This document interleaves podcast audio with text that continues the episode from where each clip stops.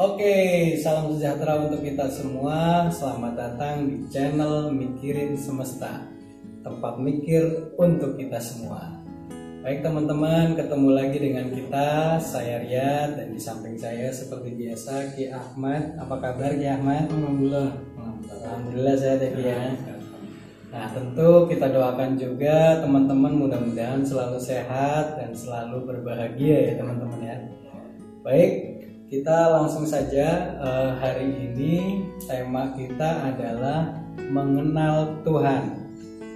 Oke, nah sebelum teman-teman atau bagi teman-teman yang belum melihat video-video sebelumnya, silakan teman-teman bisa klik di atas ya.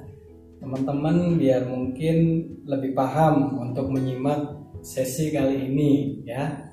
Oke, Sebelum kita masuk pada sesi dialog, Niki, mohon izin saya ingin mengucapkan keprihatinan kita. Kami dari channel Mikirin Semesta sangat prihatin atas kejadian yang terjadi yaitu aksi teroris yang terjadi di Makassar sana dan juga aksi teroris yang terjadi di Mabes Polri. Ya teman-teman ya kita sangat mengutuk bahwasanya tindakan tersebut adalah tindakan kejahatan teman-teman.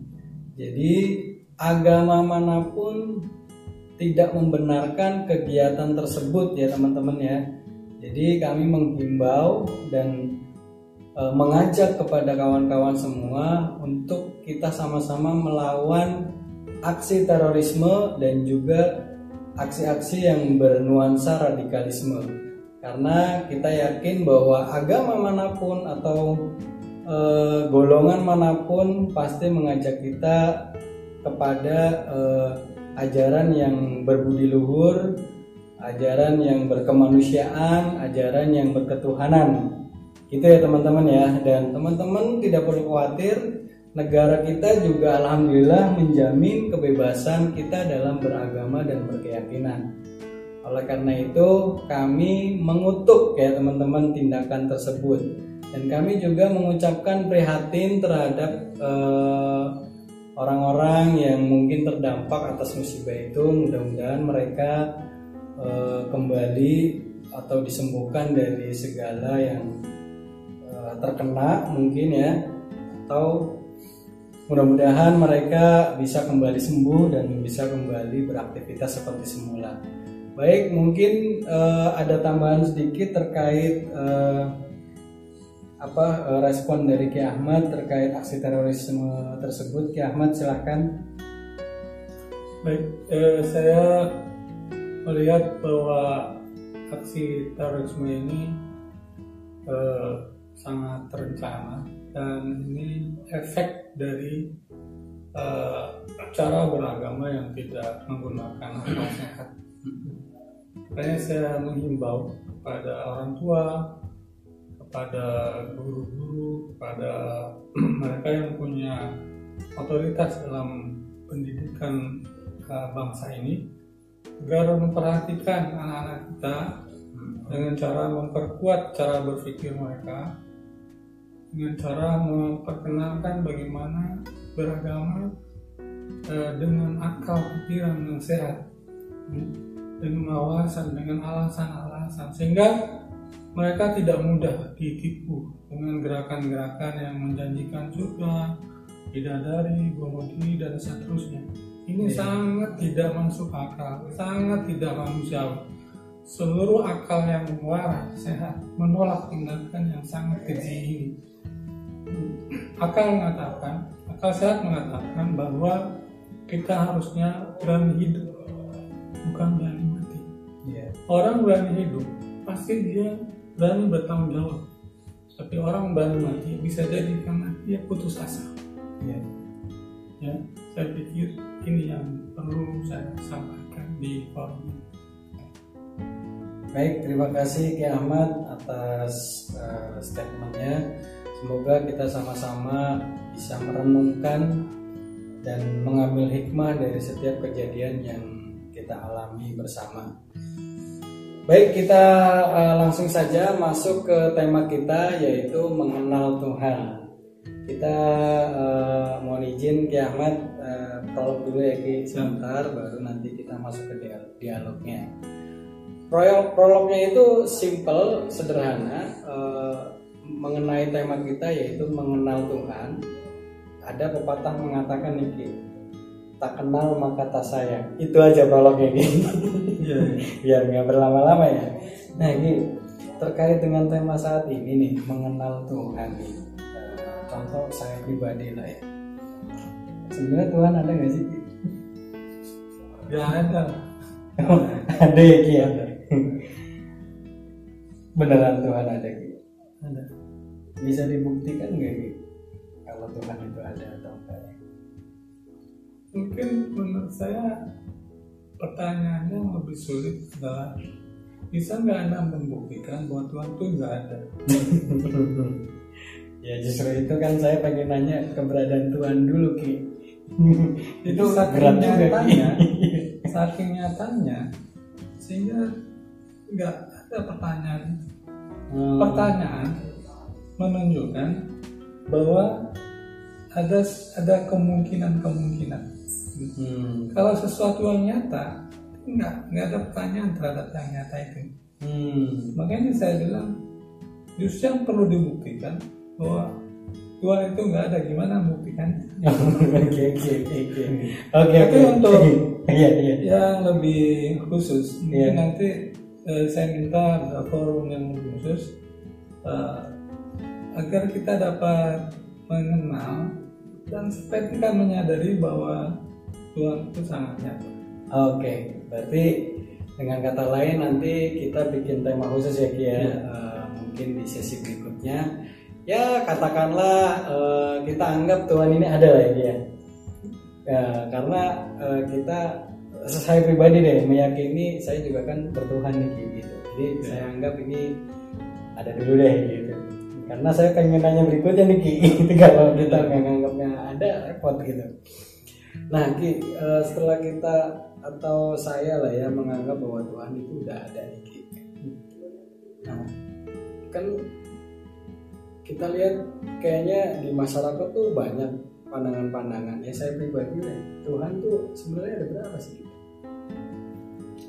Dalam kenyataannya, gitu, Tuhan itu ada dua. Oh, ada dua bukannya cuma satu Ki. Itu dalam pikiran ini. Tapi dalam kenyataan Tuhan ada dua. Ah, ini unik lagi nih teman-teman. Dua tuh apa aja gitu? Ya, pertama Tuhan yang menciptakan kamu.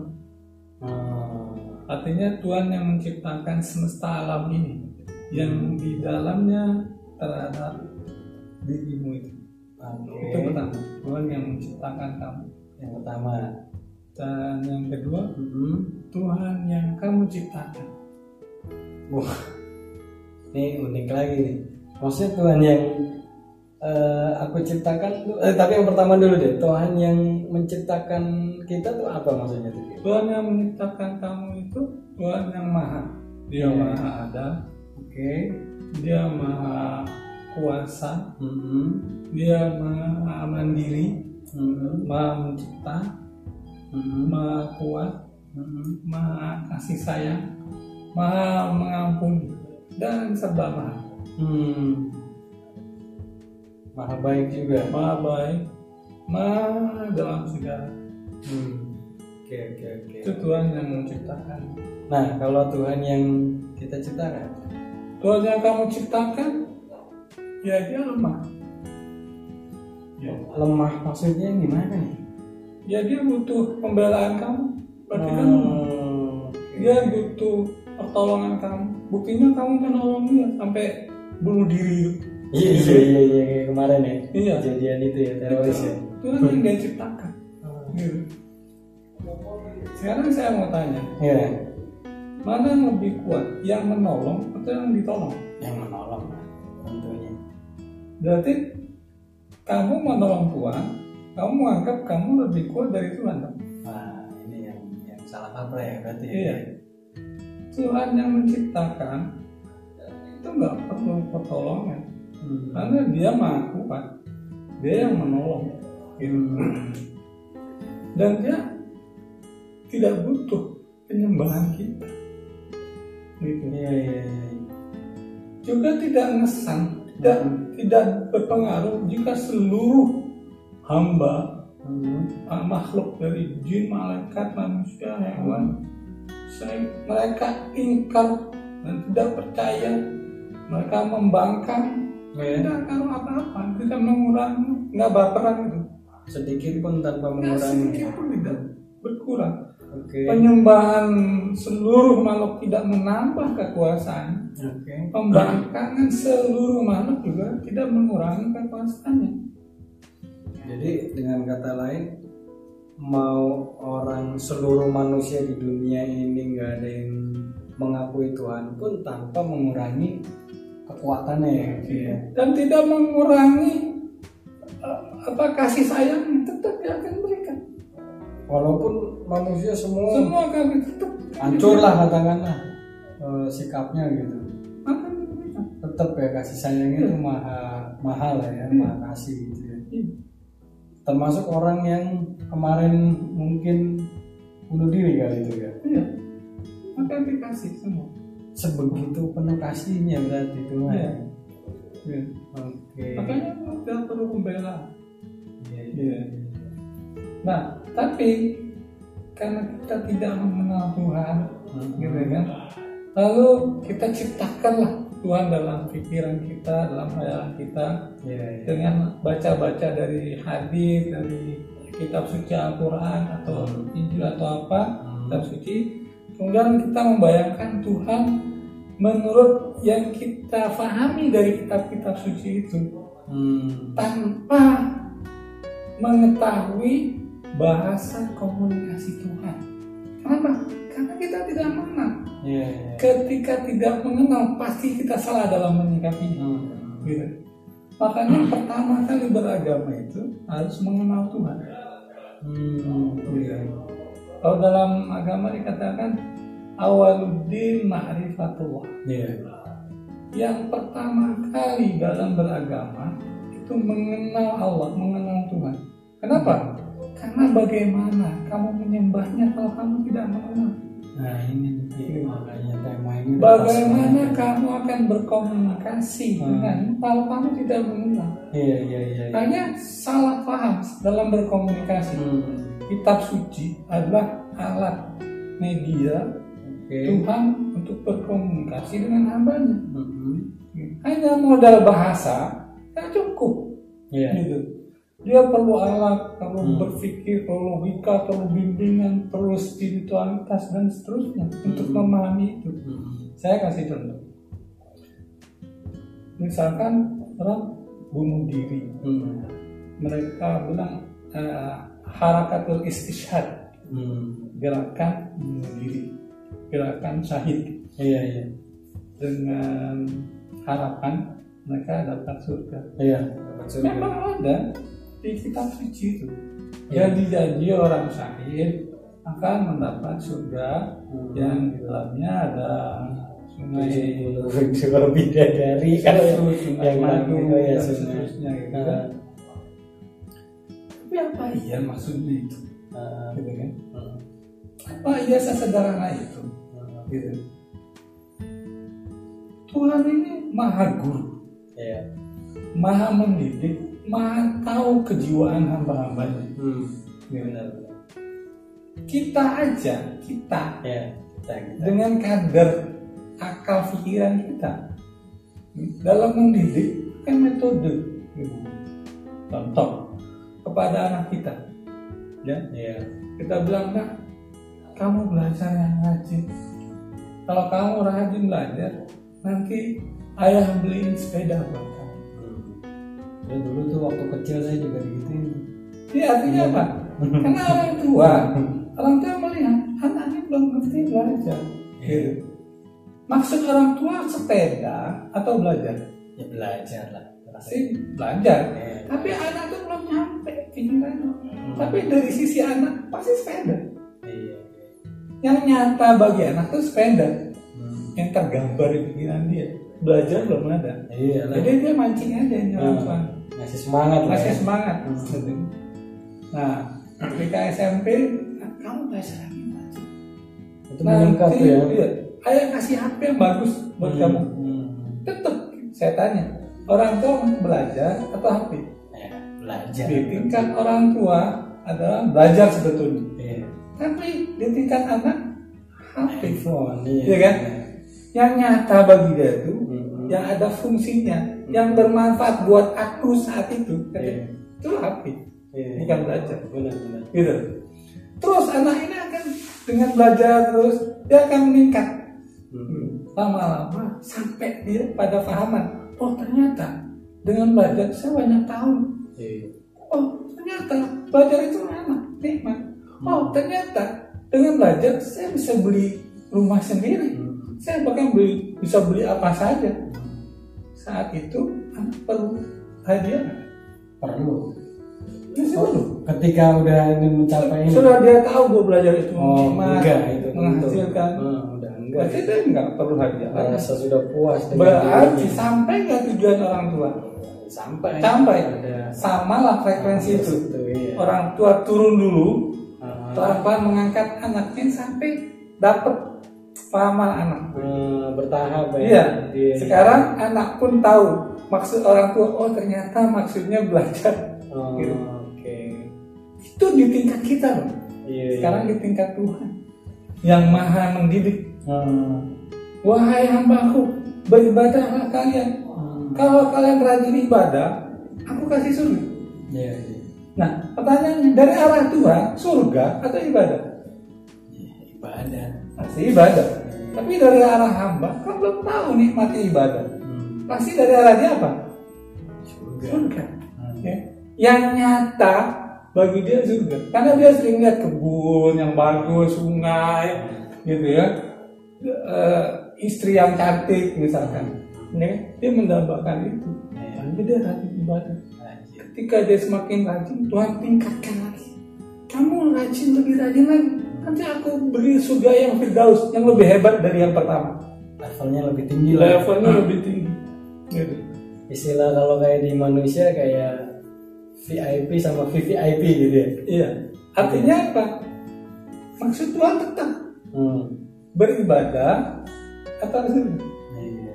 Beribadah. beribadah gitu kenapa karena si hamba belum dapat menggambarkan membayangkan nikmatnya ibadah kayak apa pada tingkat kesadaran tertentu ketika si hamba sudah menikmati oh betapa nikmatnya ibadah.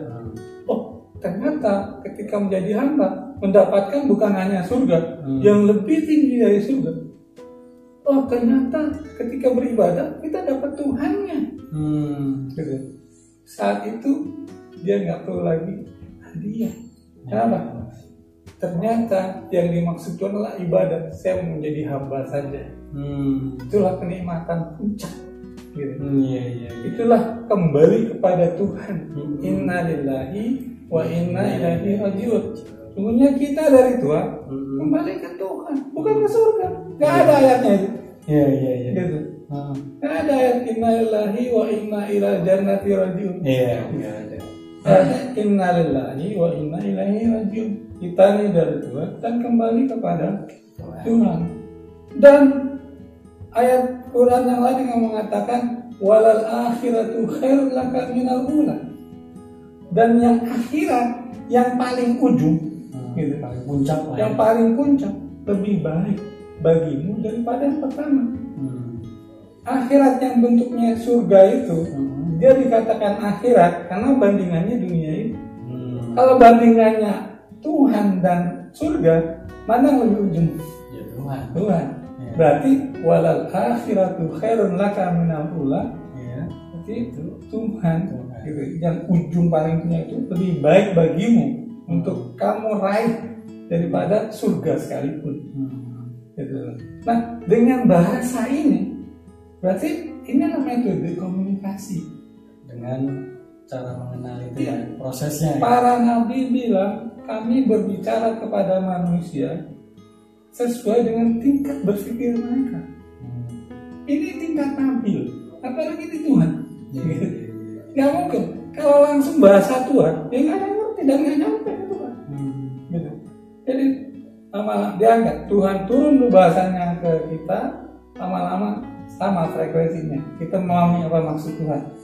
Pertama orang tua turun ke bahasa anaknya Mm-mm. dengan harapan suatu saat anaknya menyamakan frekuensinya dengan orang tuanya. tuanya ya. Sampailah tujuan orang tua. Iya. Ketika anak sudah tidak lagi minta Atau- hadiah mengharapkan hadiah, sampailah yang dimaksud Tuhan ketika hamba tidak lagi menginginkan surga, Hmm. bidadari dan seterusnya. Iya. Kenapa? Karena Tuhan berjanji ada hadis kursi konon mengatakan Iya. aku akan berikan sesuatu yang la ainun ra'at Sesuatu. sesuatu yang tidak pernah dilihat oleh mata Hmm. wala uzunun samiat dan nggak pernah didengar oleh telinga Oke. wala khatara fi bali ahad dan nggak pernah terlintas di hati siapa pun Hmm. nah artinya kalau masih surga sungai yang mengalir Masih kebayang gitu. masih kebayang masih Iya. terlihat Hmm. masih terdengar di Quran Iya, itu kan iya, iya. ini udah biar udah melampaui itu Hmm. Oke. itulah sejatinya kebahagiaan kalau yang masih terlihat itu itu masih masih bisa dinikmati oleh hewan Masih bisa ditebak lah istilahnya. hewan masih bisa nangkap Hmm. gitu hewan masih bisa makan kan Bisa. bisa nyusu Bisa. bisa melakukan hubungan badan bisa. itu kan semua hewan Iya. Surga buat manusia hewan udah nggak mampu lagi Hmm. gitu karena nggak bisa nggak bisa ditangkap oleh mata telinga penciuman Hmm. gitu. di alam dunia ini saja Hmm. saya bisa ngasih contoh Contohnya gimana? Saya tanya pernah lihat cinta nggak? Nah, bentuknya maksudnya gitu. Nggak pernah gitu. Tapi kalau eh nggak pernah, nggak pernah. Nggak pernah. Bentuknya Kayak gimana itu ya? ada nggak yang lebih nikmat dari cinta Ya kalau bandingannya selain cinta ya nggak ada. berarti apa ada sesuatu yang kita nggak lihat Nah, tapi kita bisa makan itu di dunia ya. itu masih masih bisa kita jelaskan Iya. dengan bahasa Dengan dunia kata-kata dengan kata-kata ini kata-kata bullshit lah. Enggak Istilahnya. beneran. Oh beneran. Enggak bullshit. Iya iya. ini nggak bullshit sama sekali gitu Ah, nggak main-main nggak Iya, bercanda iya, gitu iya. kan kalau bullshit kan ya canda Ah, Ini- bukan puisi juga bukan. Nah, ini beneran gitu ini benar gitu kemudian saya kasih contoh lain ilmu pernah lihat ilmu Kalau perwujudannya ya nggak pernah lihat ya. ilmu nggak pernah bisa dilihat nggak Iya. bisa nggak pernah bisa dipersepsi Iya. tapi dia ada Ada. dia ada hanya manusia yang bisa menangkap itu Iya. hewan nggak bisa menangkap nah, hewan menangkap yang tadi yang masih bisa dirasakan dilihat tergambar gitu pernah lihat bahagia Ya. Orang bahagia pernah, cuma Bahagia. bahagianya enggak. Ya bahagia itu nggak bisa dilihat Hmm. gitu kan nggak bisa dibayangkan sama sekali Iya. tapi siapa yang nggak mencari bahagia Ya hampir semua. Nah, artinya ini masih alam-alam bahasa di alam kita Hmm. ada contoh gitu. gitu. apalagi Dunia. alam-alam yang lebih tinggi Hmm. gitu pastilah Tuhan menginginkan yang lebih dari sekadar surga yang tadi Hmm. tapi karena manusia tidak sanggup Hmm. me- mempersepsi membayangkan memahami yang tidak terlihat tadi Iya. ya sudah yang surga itu yang ada bentuk sungai madu sungai susu pohon yang rindang buahnya gitu. yang bisa ditangkap gitu Hmm. yang meng- seperti anak sepeda ada, ah, menggerakkan gitu ya kan karena itu yang bisa ditangkap Hmm. Gitu. Iya, iya. persoalannya adalah ketika kita melihat anak itu terus minta sepeda gitu Hmm. nggak ningkat-ningkat dia Minta sepeda mulu. sepeda terus belajar mana ya sepeda besok SMP ya sepedanya mana ya SMA ya sepedanya mana kuliah ya sepedanya mana profesor ya sepedanya mana gitu Hmm. dia masih terus sepeda yang diharapkan gitu. pada orang tua menginginkan yang lebih dari sekedar sepeda yaitu apa? kenikmatan belajar Hmm. Nah, inilah maksud saya komunikasi makanya salah mengenal Hmm. salah menyikapi Hmm. akhirnya banyak korban-korban Iya. kasihan mereka bunuh diri meninggalkan anak meninggalkan ibu membunuh membunuh man- manusia-manusia tidak berdosa Iya. ini sangat kecil inilah efek dari kebodohan Lah, kalau efek dari kebodohan. Makanya hati-hati dengan apa eh, jangan sampai anak-anak kita ya orang dekat kita bodoh dan bisa ditipu dengan cara-cara tapi dengan modal logika yang cukup Hmm. wawasan yang benar insya Allah mereka imun dari gerakan-gerakan yang sangat keji Iya iya. Ya mudah-mudahan channel mikirin semesta sebagai penyampai pesan lah ya Ki ya eh, untuk eh, teman-teman yang mungkin untuk mikir supaya tidak terjebak dengan eh, kaitannya radikalisme dan juga terorisme. Nah, Ki, tadi kan sudah sempat disinggung mengenai apa eh, proses bagaimana Tuhan memfrekuen- memfrekuensikan cara komunikasinya kepada hamba-hambanya atau kepada manusia ya Ki, ya. Nah ini menarik Ki Eh, kaitannya dengan eh, mengenal Tuhan. Tadi Ki Ahmad sampaikan bahwa kalau ingin kenal ya tahu cara komunikasinya gitu kan Hmm. Ya. Nah tentu kan kita pengen tahu juga nih cara-cara mengenal Tuhan yang sederhana tuh seperti apa Ki? Ya, eh, sebetulnya prinsipnya tadi pertama adalah membangun frekuensi yang sama, ya kan? Misalkan kalau Tuhan itu maha cinta, Iya. untuk frekuensinya sama, gitu. Yang ada di kita cinta atau kebencian? Ya cinta harusnya. Harus cinta. Kebencian lebih sesuai dengan setan. Hmm. gitu. harus cinta gitu. Iya. artinya dengan modal cinta kita dapat mendekati Tuhan Hmm. Kenapa? karena sama dia frekuensinya Oh, iya orang antar manusia aja harus saling cinta ya ya? harus ada cinta Iya, bucin-bucin kan bukan cinta. Iya, Iya, lanjut. Hmm. istilah orang Arab itu fakidus syai la yu'ti Hmm.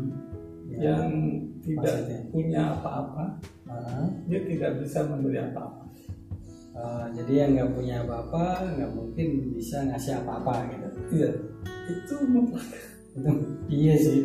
Ya Kamu- ngasih apa gitu? kamu nggak nggak punya roti bisa Iya. ngasih roti? Ya enggak lah. Kalau kamu ngasih roti tandanya kamu punya. Iya. Iya. Kalau kamu ngasih eh, pengetahuan tandanya kamu punya pengetahuan.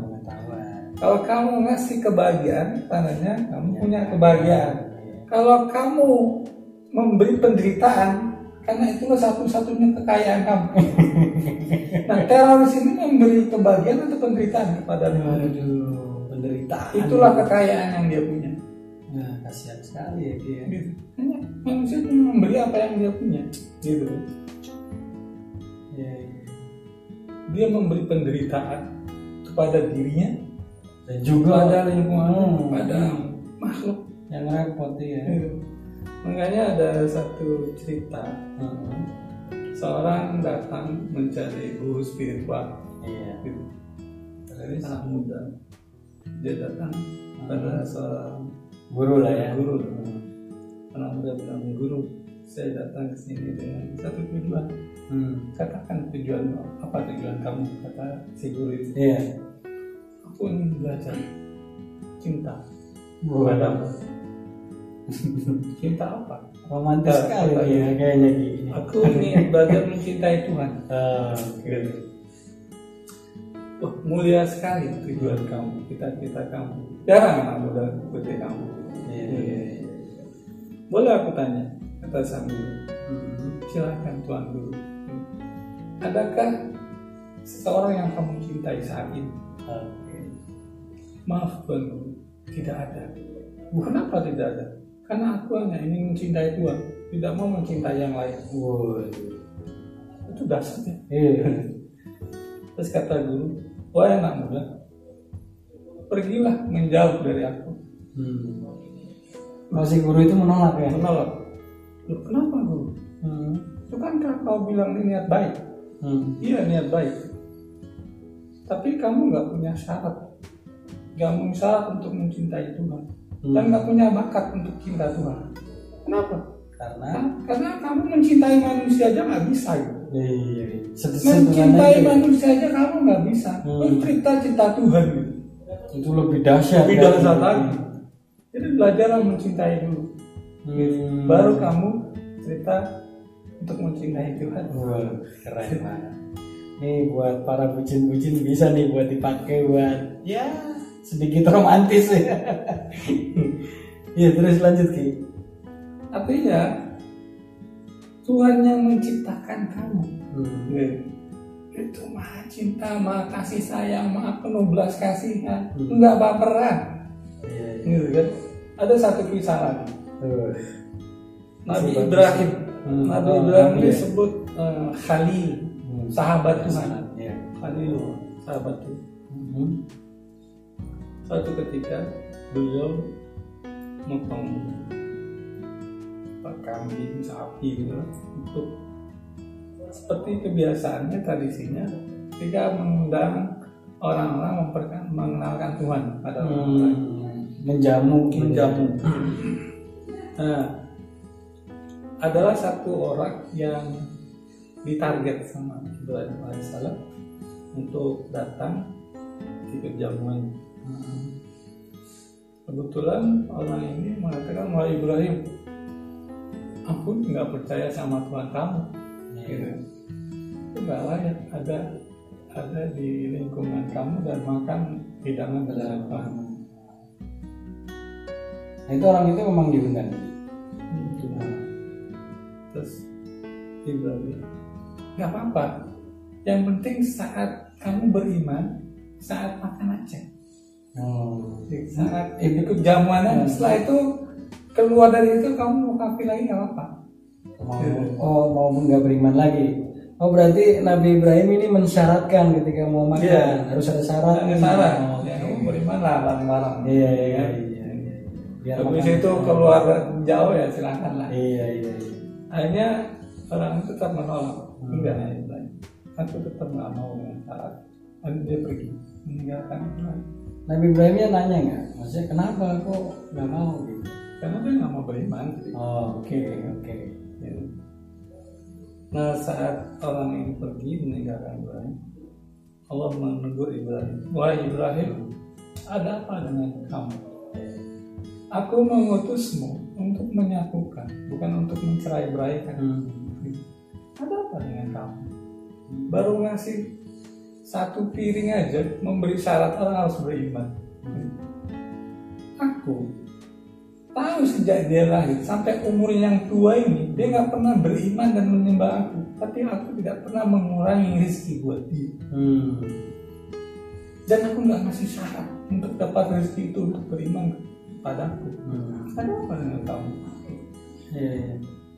atas teguran ini Ibrahim mengejar orang itu Hmm. minta maaf Langsung nyusul ya. nyusul Eh, dia bilang "Ah, silakan deh gitu.